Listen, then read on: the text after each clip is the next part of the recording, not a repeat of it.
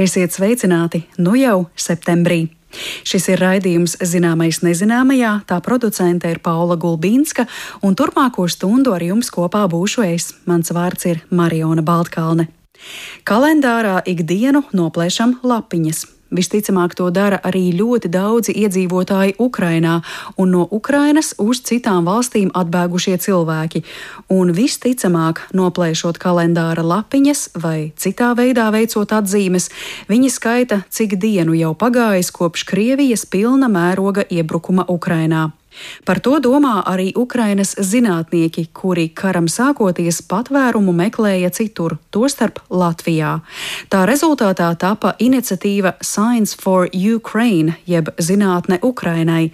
Par to mūsu raidījumā esam stāstījuši, bet šobrīd, kad pagājis krietnes laiks, palūkosimies, cik veiksmīgi šo iniciatīvu izdevies īstenot.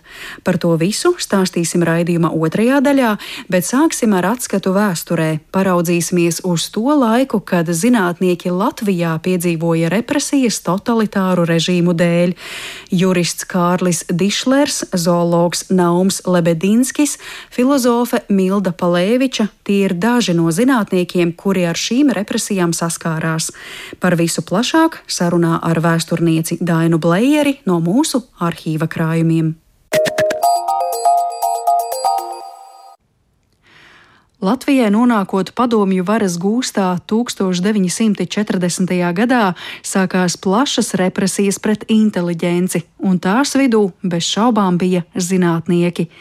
Ja vien zinātnieki nebija kreisi noskaņoti, tiem klājās grūti.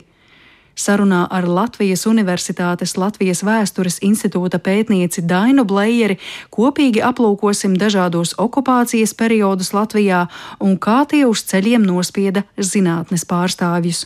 Un sāksim ar pirmo padomju okupācijas periodu. Lieta ir tāda, ka Latvijā cilvēki ar akadēmisku izglītību. Patiesībā viņa nebija pārāk daudz 20. un 30. gados.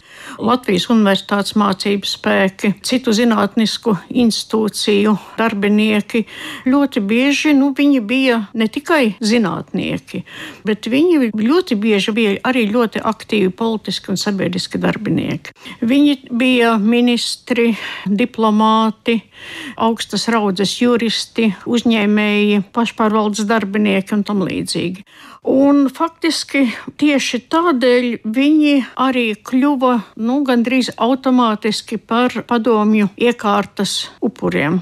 Jo 1940. un 41. gadā visumā zinātniekus represēja ne tik daudz par viņu zinātnisko darbību un zinātniskajiem uzskatiem, cik tieši par viņu sabiedrisko darbību, par viņu politisko darbību, par amatiem, kurus viņi bija ieņēmuši Kārļa Ulmaņa valdību un arī pirms tam demokrātiskās Latvijas laikā. Tas bija galvenais motīvs. Varbūt represijas pret teologiem kaut kādā ziņā bija saistītas ar viņu arī zinātnisko darbību, jo teoloģijas fakultāte universitātē tika likvidēta, visus pasniedzējus atlaida no darba. Taču arī šajos gadījumos, piemēram, tika represēts tāds ievērojams teologs kā Edgars e, Rumba. Viņš tika represēts tāpēc, ka viņš bija arī Latvijas evaņģēliskās luteriskās baznīcas brāļu draugu vadītājs, bija aktīvs aktīvs sabiedrisks darbinieks, apziņas Zviedrijas pavalsnieks. Neskatoties to, viņa represēja. Zināmā mērā pat ir uzkrītoši, ka starp tiem, kurus izsūtīja vai arestēja un represēja 1940. un 1941. gadā.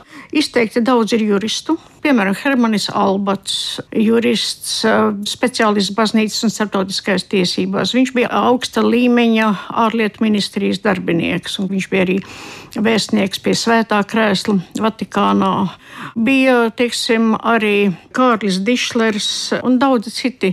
Vēl gribētu pieminēt, piemēram, nu, tādu pazīstamu personību kā Ernestu Brastiņu, dievturu dibinātāju. Protams, dievturi kā tādi bija nepatīkami padomju režīmam. Plus, vēl, protams, viņš bija diezgan cieši saistīts ar ugunskrustu un pērkoņkrustu, un tas arī noteica to, kādēļ viņu represēja. Bet tajā pašā laikā viņš bija pazīstams senvēstures pētnieks, vadīja kara muzeju. Jāsaka, ka diezgan daudz zinātnieku, kā mēs labi zinām, arī sadarbojas ar padomju varu. Sāksim ar Augustu Kerhensteinu, un kā atzīmē akadēmiķis Stradiņš, tas ir ļoti interesanti, ka starp tiem, kas sadarbojas ar padomju varu, vairāk bija, teiksim, lauksaimniecības un bioloģijas speciālisti. Nacistiskās Vācijas okupācijas laikā attiecībā pret zinātniekiem atkal pastāvēja princips, ka cilvēkus represēja viņu politiskās vai sabiedriskās darbības dēļ un rases dēļ ebrejus. Daudzi zinātnieki nonāca apcietinājumā, Salaspils koncentrācijas nometnē vai krita karā. Gāja bojā vairāki izcili ebreju zinātnieki, tādi kā Simons Dubnovs, un uh, izdarīja pašnāvību, piemēram, filozofs Marks Vaintrops un zoologs Naums Lebedinskis tika nogalināti nu, teiksim, vēsturnieki Jānis Lieknis, Aberbergs, Augškalns un citi, bet tas viss bija dēļ viņu politiskās darbības.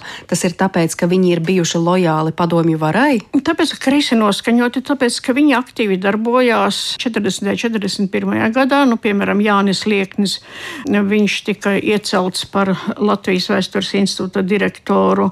Teiksim, Jānis Aberbergs, Augškalns, nu, faktiski viņš tika vispār nošauts bez tiesas sprieduma, bez kā pretiesiski vienkārši arestē, jo viņš bija iecels pagasta izpildu komitejas priekšsēdētāju, iecels par izpildu komitejas priekšsēdētāju. Viņš bija kreisi noskaņots sociāldemokrāts, viņš bija Rīgas domnieks daudzus gadus, starp citu viens no Latvijas senatnes pētīšanas biedrības dibinātājiem.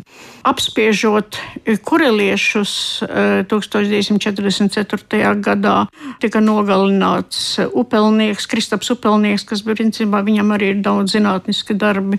Tā ka, principā, protams, otrā pasaules kara laikā šie zaudējumi bija ļoti lieli, bet ļoti lielu iespaidu, protams, uz zinātniekiem bija e, atstājuši pirmais padomju okupācijas gads, un tāpēc ļoti daudzi devās emigrācijā. Kā lēsa akadēmiķis Stradiņš, tad apmēram 60% no Latvijas Universitātes un Latvijas Lauksainiecības akadēmijas mācības spēkiem 1944. un 1945. gadā bija devušies emigrācijā.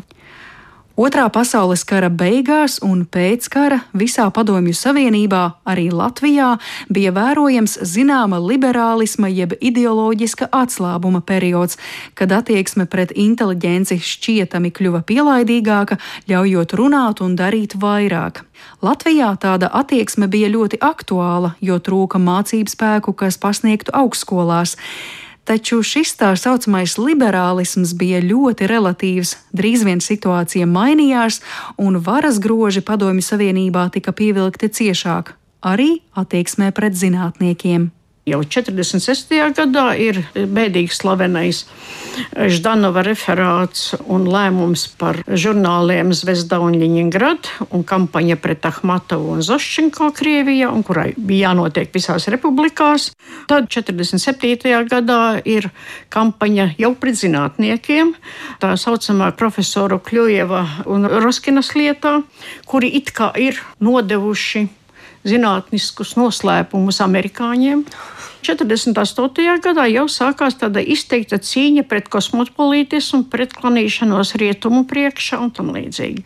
Nu, šeit Latvijas zinātnieki izrādījās nu, teiksim, ļoti viegli ievainojami šajā ziņā, jo ļoti daudzi bija studējuši ārzemju universitātēs, bija ieguvuši zinātniskus grādus ārzemēs, bija sadarbojušies ar ārzemju zinātniskajām biedrībām un stažējušies un tam līdzīgi. Nu, šis trieciens vispirms vērsās pret humanitārajām un sociālajām zinātnēm. 1948. gadā tika atlaist no darba vesela virkne Latvijas universitātes pasniedzēju.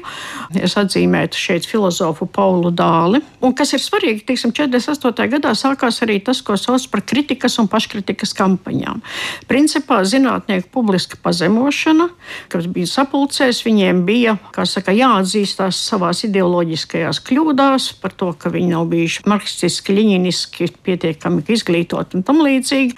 Viņas varēja kritizēt jebkurš, un daudziem nācās atteikties no saviem uzskatiem vai no saviem skolotājiem un saviem kolēģiem un tam līdzīgi. Paula Dāles gadījumā viņš bija ticīgs cilvēks, un viņš nevēlējās atteikties no saviem reliģiskajiem uzskatiem. Viņam septiņus gadus nedēva darbu vispār. Viņam bija daudz arī veselības problēmas. Principā viņa pēdējie mūža gadi noritēja lielā aizmirstībā un arī lielā nabadzībā. Otrs piemērs starp tiem, kurus 48. gadā atlaida, tā ir Milda Palēviča, filozofe, kura bija iegūsi arī doktora grādu Sorbonnā 20. gados. Uh, principā pirmā, kas nodarbojas ar ētikas jautājumiem mākslā. Jāsaka, ka Paleviča diezgan centās iekļauties.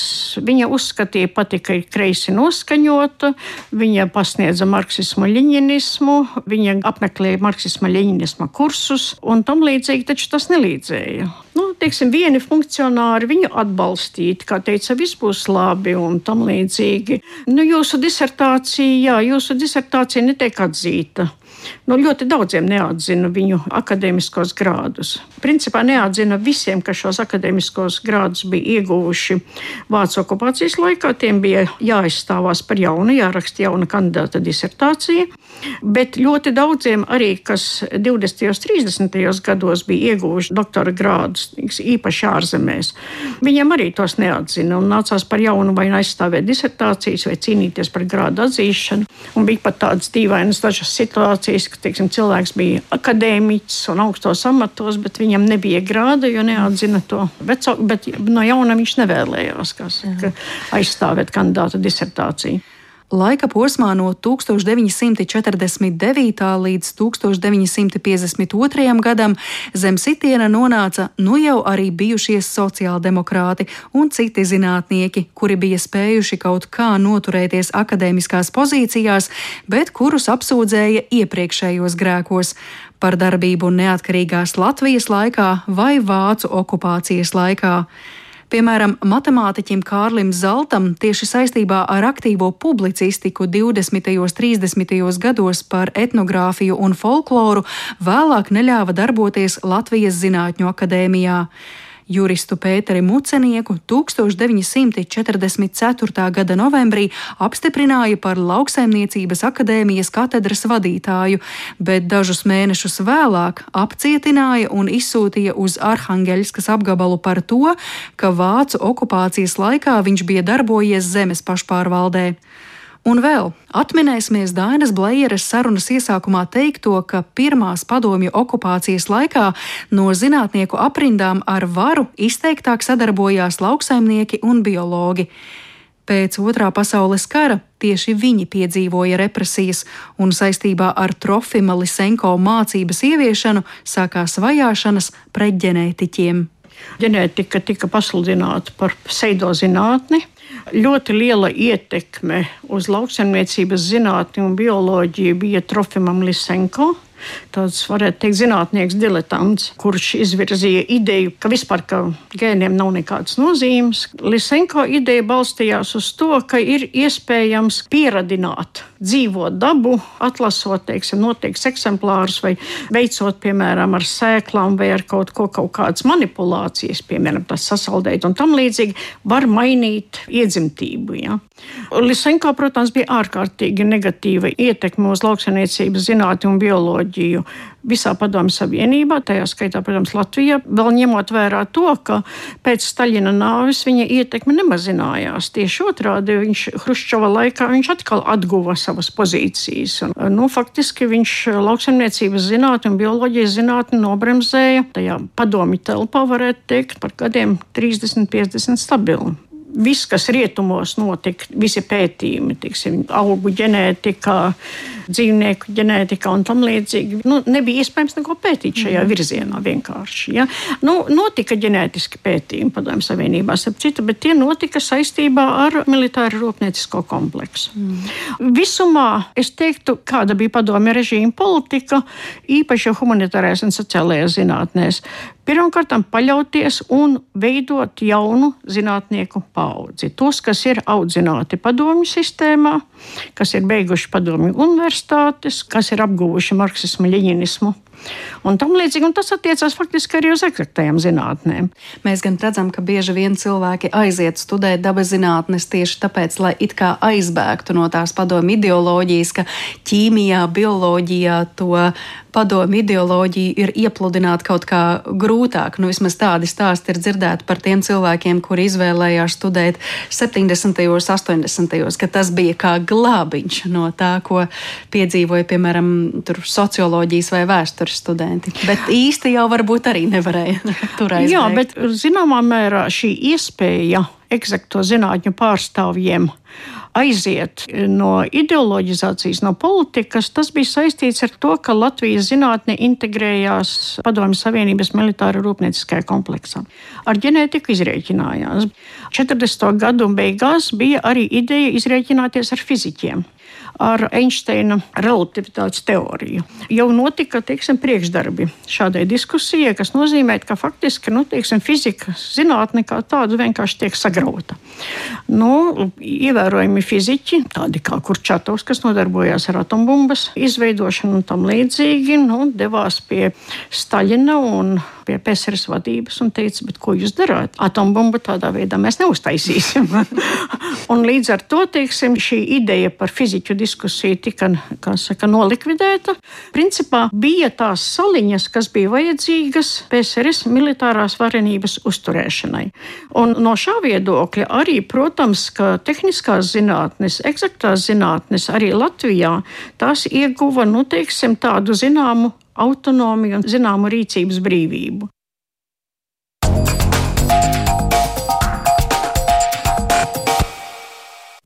Kopā ar vēsturnieci Dainu Blējeri iepazinām periodu vēsturē, kad padomju un nacistiskās Vācijas okupācijas apstākļos Latvijā represijas piedzīvoja dažādu nozaru zinātnieki.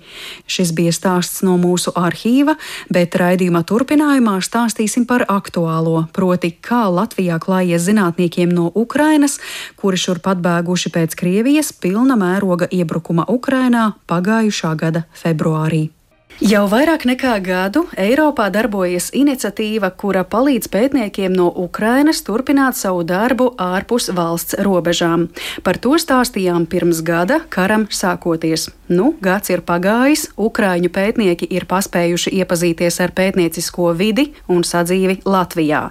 Kādas atziņas ir gūtas? Par to šodien iztaujāšu un studijās veicu Latvijas Universitātes Literatūras, Folkloras un Mākslas institūta vadošo pētnieci un organizācijas Science for Ukraine, jeb tulkojumā zinātne Ukrainai dibinātāju Sanitu Reinsoni. Labdien! Labdien!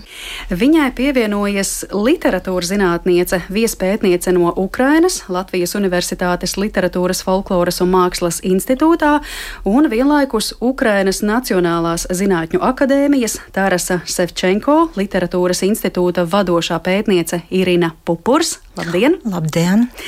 Un telefoniski ar mums kopā ir Latvijas Universitātes Atomfizikas un spektroskopijas institūta direktore Inga Šīrante. Labdien, Inga! Labdien! Jā, gads ir riņķī, un mums noteikti būtu vērtīgi paskatīties uz to, kā tad Ukrainas zinātniekiem Latvijā ir gājis, ar kādām grūtībām viņi ir saskārušies un kādas iespējas ir pavērušās. Un, Sanita, vispirms tad raugos jūsu virzienā, nu kā tad ir klājies pa šo gadu ar iniciatīvu Eiropā un konkrēti Latvijā, proti kāda ir bijusi atsaucība un kāds ir bijis atbalsts no valsts iestādēm? Mm -hmm. nu, es varbūt mazliet precizēšu, ka tas nu jau ir vairāk nekā gads, diemžēl. Mm. Varam runāt jau par pusotru gadu. Un, nu, jā, mēs redzam, ka atbalsta plūsma ir bijusi ļoti dažāda. Mēs redzam arī vairākas fāzes. Šobrīd vispirms bija tas pirmais, tūlīt tik līdz sākās karš. Tad bija tādas pētnieku individuālās iniciatīvas, brauciet, mēs jūs izmitināsim, palīdzēsim. Patiešām tas bija ārkārtīgi liels vilnis. Es nebaidīšos teikt visā pasaulē. Un šajā brīdī, nu jau divas dienas, tik līdz tika veikts šis sākuma uzbrukums, tika nodibināts Science for Ukraine iniciatīva, kas sākās nu, ļoti spontāni patiesībā. Sociālajos tīklos, bet pavisam īsā laikā, dažu dienu, nedēļu laikā pievienojās eh, vairāk nekā simts pētnieki, arī studenti no dažādām Eiropas un arī ārpus Eiropas valstīm, palīdzot saprast, kas katrā valstī notiek, palīdzot centralizēt informāciju, jo tas jūklis bija mežonīgs. Un es pat tā iztēloties, kā man būtu, ja man būtu jābēg no savas valsts, kura vispār atrast informāciju. Un tad eh, šajā brīdī izveidoja Science for Ukraine, un tagad jau būs pagājis tieši mēnesis Science for Ukraine Ukraina ir nodibināta kā organizācija ar uh, bāzes vietu Latvijā. Paldies Zinātņu akadēmijai par uh, vietas došanu, teiksim tā, bet tā saglabājas kā starptautiska organizācija, kas turpina apkopot atbalsta piedāvājumus Ukrainas pētniekiem, gan individuāli, gan arī nu, tādās sadarbības formās, jo atbalsta veidi mainījās. Sākumā bija šis individuālais atbalsts, ka mēs tēmējam uz individuāliem zinātniekiem. Tagad arī, protams, tas pastāv, ka ir stipendiju programmas gan valsts valstīs, gan dažādi fondi, gan arī jau vairāk tiek domāts par nākotni, proti, par dažādām sadarbības formām ar Ukrainas institūcijām, lai zinātnes attīstība būtu ilgākā termiņā, lai Ukrainas zinātne ar vien vairāk eh, ienāktu un sadarbotos ar Eiropas vienotajā zinātnes telpā. Un tas arī ir eh, redzams dažādu projektu konkursu uzsākumu, kur meklē partnerus no abām pusēm. Mūsu uzdevums ir viņu pieturēt un izplatīt un apkopot vienotā datubāzē, ko mēs mēs arī aizvien darām. Tad eh, tas veiksmes stāsts, kas šajā gadījumā priecē, ir tas, ka tā nav tāda īstermiņa iniciatīva, kas bija dzīva dažas dienas, pēc tam atbalsts apsīka no finanšu institūciju puses, no cilvēku pašu pētnieku puses, bet ka tas turas kā kaut kas stabils, lai sniegtu atbalstu un, protams, veidotu arī nākotnes idejas. Bet, eh, ja par šķēršļiem runā, tad vai šobrīd vēl joprojām saskaraties ar kaut ko būtisku, lai tas tiešām veidotos kā pastāvīgs atbalsts? Mm -hmm. nu, mēs varbūt darbojamies vairāk kā fonā un monitorējam eh, situāciju, kā tas izskatās kopumā. Protams, problēmas ir.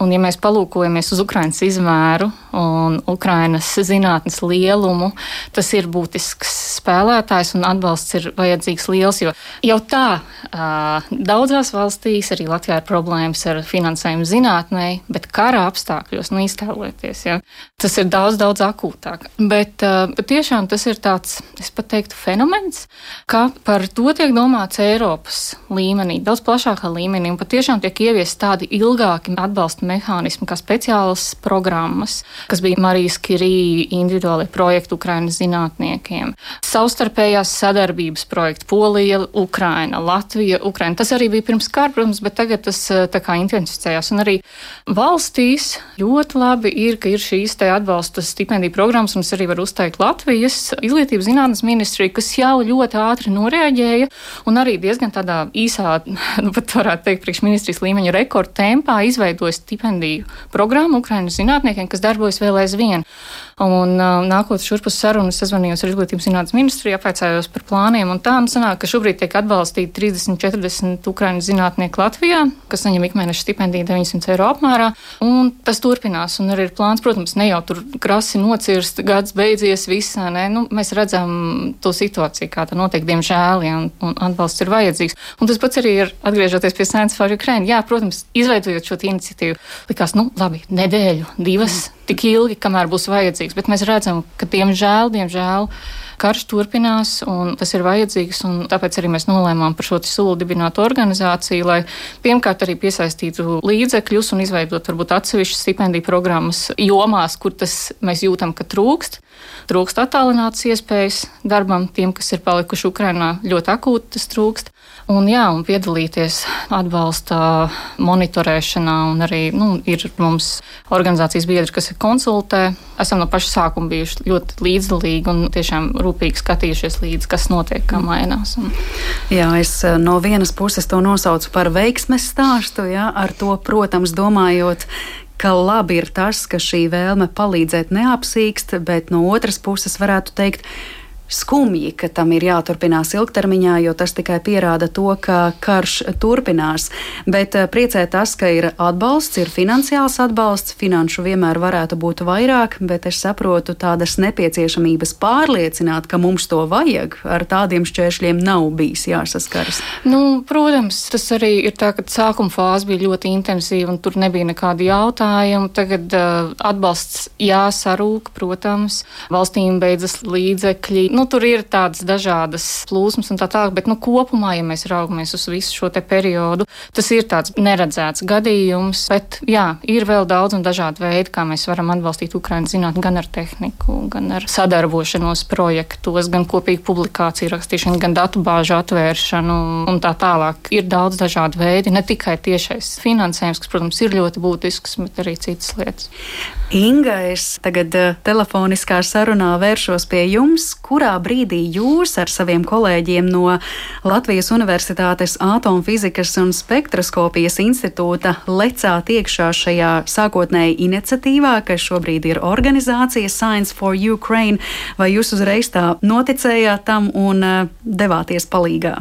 Nu, jā, jāstāsta par to, kāda ir priekšvēsture visai šai sadarbībai, jeb kopīgai eh, darbošanās ar Ukraiņas zinātniekiem, tā mums ir aizsākusies jau sešus gadus iepriekš. Ar atsevišķu zinātnieku klātesamību un jaunu zinātnes virzienu pat attīstību.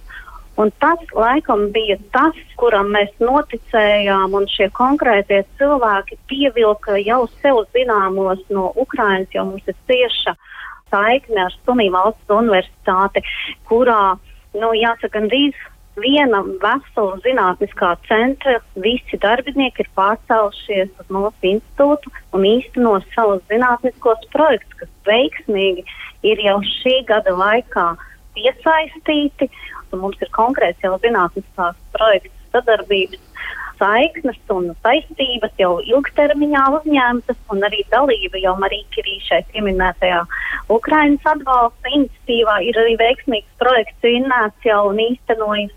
Un arī Odessa mums ir otra vieta. Mums ir divas universitātes, kuras ir jau bijušas pirms visa šī trakuma saistījusies. Un, uh, mēs esam rūpi turējuši par šo saikni ar zinātnisko kapacitātes un nojaukšanu, varbūt pat gan tā jāsaka, jo viņu virziens bija kaut kas cits, kas bija mums. Un tas tikai paplašināja tās mūsu zinātniskās kapacitātes kapacitātes un pat iespējas. Mm -hmm. nu, tad redzams, ka veiksmīga starptautisku sakaru dibināšana jau krietnu laiku pirms karš ir uzņēmis pilnu apmēru, tātad sešus gadus pirms pilna mēroga agresijas. Šāda veida sadarbības attīstīšana ļoti labi, kā redzams, ir palīdzējusi tajos apstākļos, ka tiešām karš sākas, līdz ar to lieki jautāt, vai jūs un jūsu kolēģus bija jāpārliecina par to, ka Ukrainas zinātniekiem ir jāpārliecina jāpalīdz, jo tas viss sākās jau pirms tam. Nu, tādu iniciatīvu savukārt mēs tā kā arī tiešām tas pirmais mirklis bija tāds šoks, tās pirmās dienas, un mēs arī ar savām pašiniciatīvām iekšēji institūtā tie cilvēki, kas bija šeit, organizēja palīdzību un brauca pat un veda uz Ukrainu. Un drīzāk laikam tā Ukraiņu zinātnieku noticēšana, ka viņi var doties šeit, kur jau ir kāds kurš viņus sapratīs ar viņu ģimenēm un, nu, kā saka, meklēs labākās iespējas, lai viņus arī šeit kaut kā atbalstītu un integrētu un meklētu šīs iespējas, lai viņi var arī turpināt savu dzīvi, gan darbus, gan studijas. Mm. Ļoti svarīgi bija tā mirklī, kad viņi man katru nedēļu pa kādam cilvēkiem ar ģimeni atbrauc un saka, nu, mēs atbraucām, kā tu varēsi mums palīdzēt. Tad, nu, tad tu ķeries klāt. un viss attīstās tādā sniega bumbas efekta veidā, domino efekta veidā. Irīna, jūsu saiknes ar Latviju jau ir iedibinātas krietni pasen. Jūs esat Konstantīna Pupura atraitne. Nu, visai simboliski, ka šajos kara apstākļos mēs varam pieminēt Konstantīnu, cilvēktiesību aizstāvības grupas Helsinki 86 aktīvistu Latvijā, tajā brīdī, kad mēs vēl bijām Padomju Savienības sastāvā. Kā sākoties pilna mērogā Krievijas agresijai Ukrainā, veidojās jūsu saziņa ar Latvijas iestādēm un tieši Latvijas Universitātes Literatūras, Folkloras un Mākslas institūtu? Nu, labdien! Vēlreiz liels paldies par uzaicinājumu. Pirmkārt, es gribu atvainoties par savu latviešu valodu. Es varu runāt latviešu, bet diemžēl ne ātri, ne viegli un reizēm ar kļūdām. Bet es pastāvīgi mācos. Man ir skolotāja Nora Arkale. Esmu viņa ļoti. Mm, pateicīga par palīdzību un vēlos nokārtot eksāmenu pēdējo valodas prasmes līmeni. Ceru, ka drīz es būšu gatava, tagad nesmu gatava. Nu, tagad īsumā par sevi. Esmu zinātņu doktore. Kā jau teicat, es strādāju Ukrainas Nacionālās zinātņu akadēmijas Tarasa Ševčenko literatūras institūtā. Institūta atrodas Kijivā. Institūts dibināts 1926. gadā. Trīs institūtam būs simts gadi. Institūta ir deviņas nodaļas, biblioteka un milzīgs manuskriptu arhīvs un strādā apmēram simti cilvēki pētnieki. Es strādāju komparativistikas nodaļā. Nu, tagad mans direktors, mana nodaļa vadītājas Halina Sivačenka un lielākā daļa manu kolēģu strādā Kijevā. Ja? Nu, daži kolēģi strādā ārzemēs - Vācijā, Polijā, Brazīlijā, Amerikā, attālināti. Ja? Daži no maniem kolēģiem tagad ir armijā. Daži zaudēja savas mājas, viņām dzīvoja būčā. Ja? Un, um, diemžēl viens no maniem kolēģiem un viņa mazais dēls tika nogalināti okupācijā. Uh, nu, tagad es gribu teikt, vispirms liels paldies Sanitai ja, un viņas komandai par šīs programmas ideju palīdzēt Ukrainas zinātniekiem. Un es arī pateicos Latvijas valdībai, Latvijas Seimu un Latvijas izglītības un zinātnes ministrai, Latvijas universitātei. Pagājušajā gadā es saņēmu valsts stipendiju Ukrainas zinātnieku atbalstam, un šī stipendija man ļāva turpināt savus pētījumus Latvijas Universitāti, Literatūras, Folkloras un Mākslas institūtā.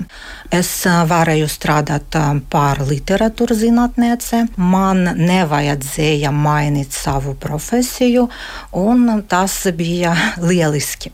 Esmu ļoti pateicīga institūtam direktorei Evai Glāja Kristone un visiem darbiniekiem par to, kā es jūtos viņu institūtā, kā sava institūta. Vēl es piebilstu, kā sava institūta es strādāju jau 24 gadus. Literatūras, folkloras un māksla institūtā man bija visi apstākļi darbam.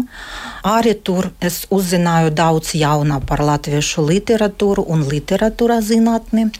Jā, godīgi man bija zināms stereotips. Man liekas, ka literatūra zinātne Latvijā ir mazatistātā zinātne, bet es biju patikami pārsteigta. Cik daudz interesanti, profesionāli un daudzveidīgi darbi ir Latvijā, cik daudz raksta latviešu literatūras zinātnieki, cik daudz dara literatūras, folkloras un mākslas institūtā ļoti maza literatūras nodaļa. Nu, piemēram, vietne saite jā, par latviešu literatūru, literatūra LV.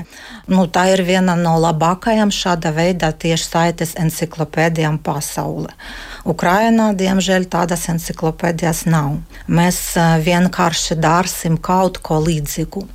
Papildus tam, kā turpināju strādāt pie saviem pētījumiem, par ukraiņu romantismu un orientalismu. Es arī pagājušajā gadā uzrakstīju rakstu par latviešu literatūras enciklopēdijām, rādītājiem, vārnīcam un um, sāku strādāt arī pie pētījumā par to, kā veidojas latviešu literatūras prezentācija Ukraina un kāda tā ir. Ceru, ka mans raksts nosaukums Latviešu literatūra Ukraina pārskats pār simt kādas recepciju drīzumā tiks publicēta Letonikā. Šobrīd arī strādāju pie grāmatas rakstīšanas par latviešu literatūras vēsturi Ukraina. Pirmie latviešu literatūras tulkojumi ukraiņu valodā publicēti pagājušajā gadsimta 20. gadu sākumā. Lielākā daļa ukraiņu latviešu prozas un dzēļu versijas rādītas padomju laikā, sākot no 50. gadiem, daudz mazāk to parādījās neatkarīgajā Ukrainā. Andrejs Balodis, Vispār Belševica, Rainis, Aleksandrs Čāks, Regina Ezera un vēl aptuveni 200 autori ir zināmi Ukrainu lasītājiem. Informācija par latviešu rakstniekiem pieejamā dažādās enciklopēdijā, nu, galvenokārt Ukraiņu literāros enciklopēdija un Ševčenko enciklopēdija. Par šīm un citām latviešu literatūras izpausmēm Ukrainā tiks apspriests nākotnes grāmata. Nu, domāju, ka šī grāmata būs svarīga gan Ukraiņai, gan Latvijai. Man ir, diemžēl, tikai viena problēma. Pagājušajā gadā es nevaru turpināt šo stipendiju, valstu stipendiju, jo man nav statusā pagaidu aizsardzība Latvijā. Jā. Man ir repatrianta ģimenes locekla status. Mm. Ja?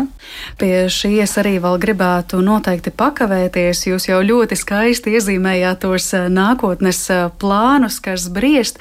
Es vēl tikai Irīna gribēju precizēt, varbūt tas, eh, nu, varētu atkal teikt, veiksmes stāsts jūsu gadījumā bija tas, ka arī pirms pilna mēroga Krievijas iebrukuma Ukrainā jūs jau fiziski atradāties Latvijā, vai ne? Jā, jūs jā. strādājāt Tarasa Sevčenko institūtā attālināti, un tas varbūt bija tāds ātrāks ceļš līdz Latvijas Universitātes folkloras un mākslas institūtam, ja, ka nebija jāpārvar daudzi šķēršļi, jā. lai vispirms ierastos šeit un tad vispār uzzinātu, kur doties. Jā, jā, pareizi. Kā tas sākas koronavīrus, jā, mēs ar Delu pastāvīgi dzīvojam Latvijā, Inšukalna, mums ir mājā, strādāju attālināti Ukrainā. Ja? Mm.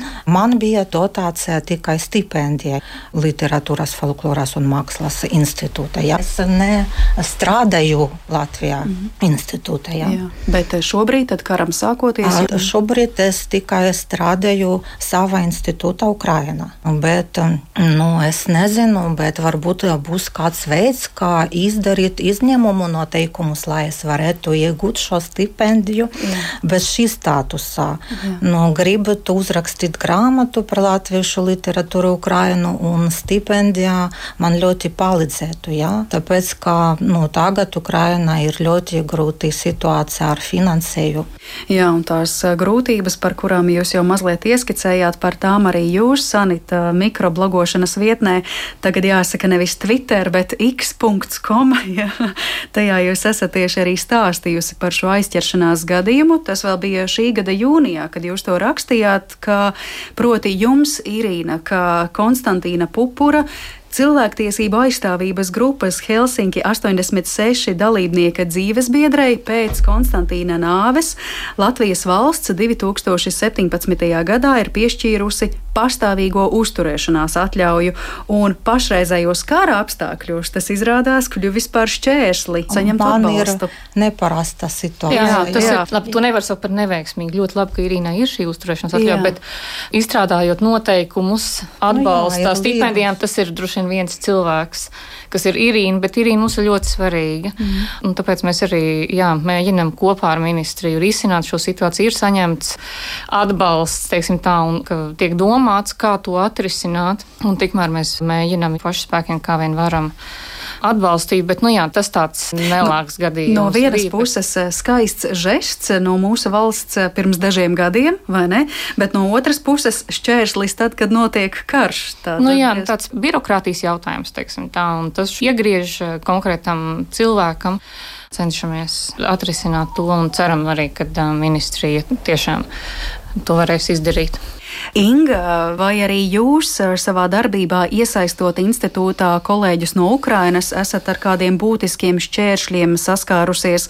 finansiāliem, varbūt birokrātiskiem. Šis tiešām Irīnas gadījums ir visai unikāls. Varbūt jums ir kaut kas līdzīgs piedzīvots. Nu, mēs tieši tā paša iemesla dēļ, man jāsaka, jāpiekrīt šeit absurdajai, pat brīžiem jāsaka šī kritērijiem, laikam, jā, kad to stipendiju var saņemt vai nevar saņemt. Nu, nevienmēr šie kriteriji ir atbilstoši tai konkrētai situācijai, kuras zinātnieks ir ieradies, jo tur nevarēja būt iepriekšējās darba attiecības ar Latviju un vēl visādi citādi šie kriteriji, kas lika nu, pārdomāt un apsvērt un meklēt daudz varbūt nu, netika tipisku to risinājumu un atkal risināt to jautājumu savādāk, jo vienkārši saprotot, ka šos cilvēkus nu, ir jāatbalsta, bet es saprotu, ka tas mehānisms, pat piedāvātais, nevienmēr atbilst tiem, ko pretī prasīja šie kriteriji. Mēs izmantojam tikai divām meitenēm ļoti īsu laiku,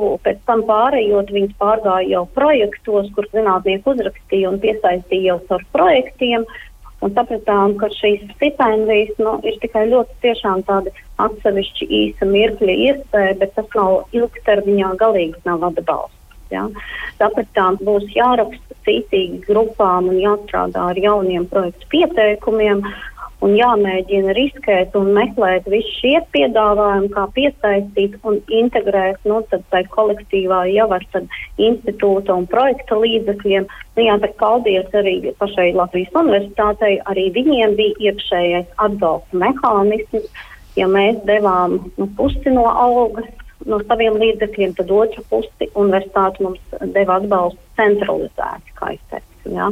Tā kā institūtam tas arī bija gana labs tajā mirklī atkal, lai risinātu šo darba attiecību.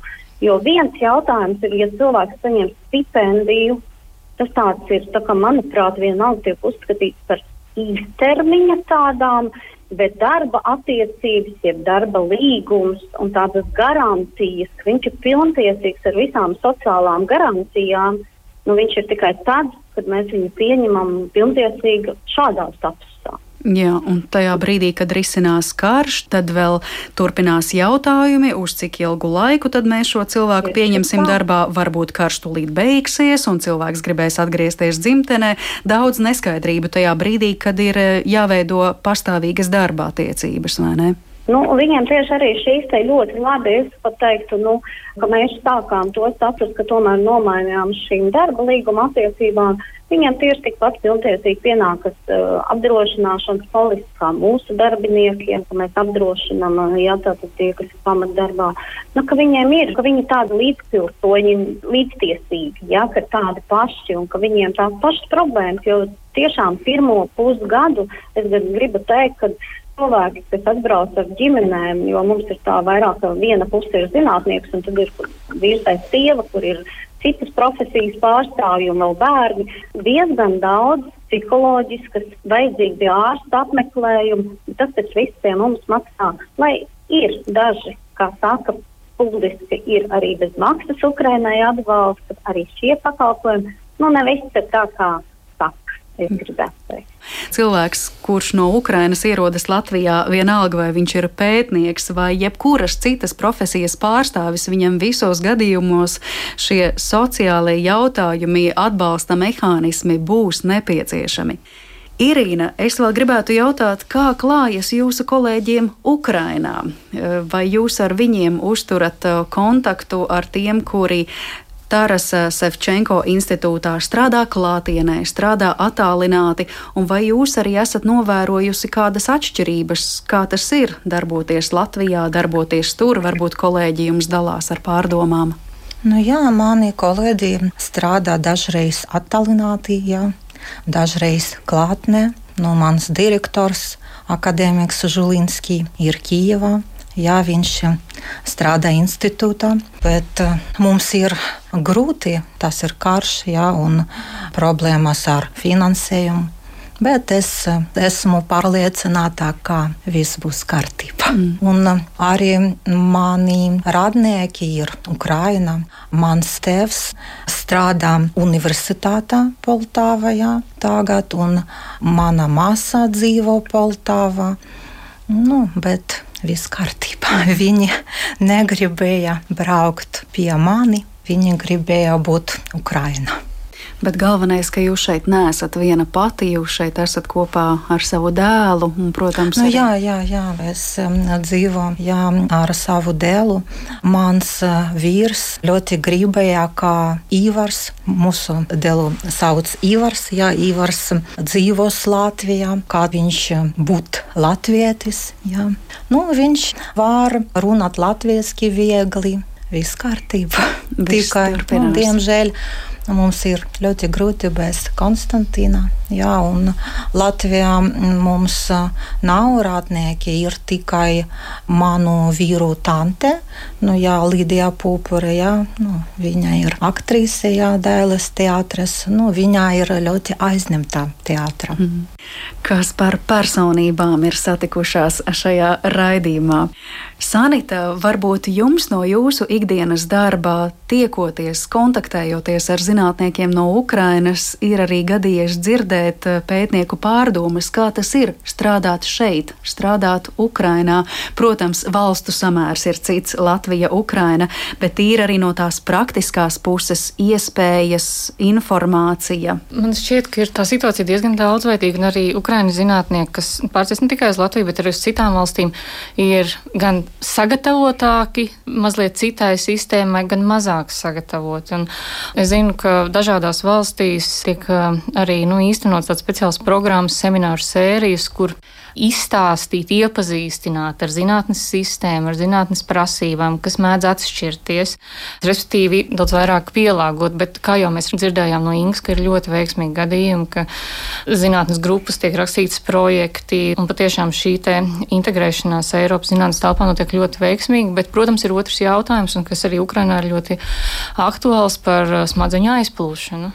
Restīvi ļoti liela daļa. Es neesmu redzējis konkrētus skaitļus, tie mēdz eh, variēt, bet nu, līdz 15% varbūt vairāk Ukraiņu zinātnieki ir devušies ārpus. Kas notiek pēc tam? Šeit ir labākas algas, kaut kādos, veidojas kaut kāda stabilitāte un tā tālāk. Kā, un arī tas tiek domāts Eiropas dažādām atgriešanās stipendijām un tā tālāk, kā šo te, kas ir gūts ārzemēs, atvest atpakaļ uz Ukrajinu. Irīnas, piemēram, ļoti labs, viņa ļoti cieši sasaist ar savu institūtu. Jā, es gribu piebilst, ka mans darbs Ukrajinā, jā, mana institūta un kolēģu darbs Latvijā ir vienādi. Jā, jā mums jā. ir līdzīgi uzdevumi, jā, un mm. neko problēma. Jā. Mm -hmm. Tikai finansējums Latvijā ir daudz labākas nekā Ukrajina. Nu, jā, tagad, jā, nu tie ir tie faktori, kas nu, cilvēkiem liek. Karš, jā. Un, Nu, man bija viegli, tāpēc, ka es biju Latvijā, es zināju daudz informāciju par Latviju, par Latvijas vēsture, jā, literatūras, un es varu runāt latviešu mazliet, un sapratu, sapratu ne visu, bet mm -hmm. daudz sapratu, un es varu lasīt grāmatas ar vārnīcām. Mm -hmm. Ukrainai tas būs grūts uzdevums pēc kara, kā panākt, ka šīs smadzenes atgriežas vietā, kas ir pirmkārt izpostīta un kurā varbūt Jā. nav uz sitienu tik labas tās finanšu iespējas, bet mums tos cilvēkus taču vajag. Mm -hmm. Jā, bet nu, no otras puses varam palūkoties arī tā, ka šādā veidā veidojas ļoti daudz jaunas sadarbības. Arī jau atkal dzirdējām no Ingas, ka ar Sumiju universitāte ir ļoti spēcīga. Respektīvi, Ukraiņu zinātnieki, kas dodas citām valstīm, viņi saglabā liela daļa saikni, kontaktus ar savām darba vietām un raksta kopīgus projektus. Respektīvi, veidojas bišķiņa citas stiklājums un tās saucamās smadzenes kaut kādā veidā tāpat tiek atpakaļ Ukrainai vienā vai otrā veidā. Tā kā, jā, tas nav tāds viennozīmīgs process. Jā. Inga, es līdz ar to pietuvojoties mūsu sarunas noslēgumam, vēlreiz vēršos eh, pie jums. Kāds ir jūsu vērojums pa šo laiku, pa šo pusotru gadu, kāds ir bijis Ukrainas kolēģu pienesums? Skaidrs, ka tie ir papildu cilvēku resursi, pateicoties kuriem iespējams var izdarīt vairāk, bet iespējams tās ir arī jaunas zināšanas, prasmes, lai, piemēram, veiksmīgāk startētu kādos projektu konkursos, neapšaubāmi sadarbības iespējas. Kāds ir tas kodols, ko jūs izceltu priekšplānā? Nu, priekšplānā laikam ir tas, ka viņu mentalitāte ir atšķirīgāka, tieši vērsta uz šo sadarbības saglabāšanu, komandu veidošanu. Viņi ļoti plaši izmanto savas saiknes, īpaši tagad, tad es gribētu uzsvērt vēl plašāk, ka visi Ukraiņu zinātnieki, nu, ļoti daudzi, ne visi, es teiktu, pa izklīduši pa visu pasauli un uzrunāt viņus atkal un teikt, Keo, mēs rakstām starptautisku projektu. Nāc iekšā arī ar to organizāciju, kur tu šobrīd pārstāv. Jo mums visi šie projekti, kurus mēs īstenojam starptautiskos, šīs Sunija valsts universitātes ja arī ir partnerībā. Un tie uz vietas dzīvojošie un palikušie zinātnieki tiek atbalstīti arī ar šiem, nu, tā kā arī finanšu atbalstiem. Un šī saikne, un tas ieguvums un tā jaunā pieredze, tās darbības principi, ka viņi grib pierādīt un parādīt, ka viņi ir noderīgi arī mūsu institūtā. Es par to tikai priecājos un lepojos, jo nu, tāda uzrāviena atkal tādā zinātniskā pacēlumā nu, sen nebija bijis atkal. Jā, un tas tāds jauna virziena. Viņi iesaistās studiju lasīšanā, medicīnas fakultātē, kas atkal mums nebija, jo nu, ne visi lasa lekcijas zinātnieki. Viņi parādīja, kā vajag un cik efektīvi pilnīgi ar citiem apgriezieniem. Tas nozīmē, ka nav šaubu, šī sadarbība turpināsies arī tad, kad Cerams, karš būs beidzies. Karš beigsies, mēs zinām, ar Ukrainas uzvaru. Tieši tā, tieši tā. Paldies jums liels visām trim, ka jūs eh, devāt iespēju no jauna pārvērtīt eh, šīs lapuses, kā tad Ukrainas pētniekiem eh, klājas Latvijā.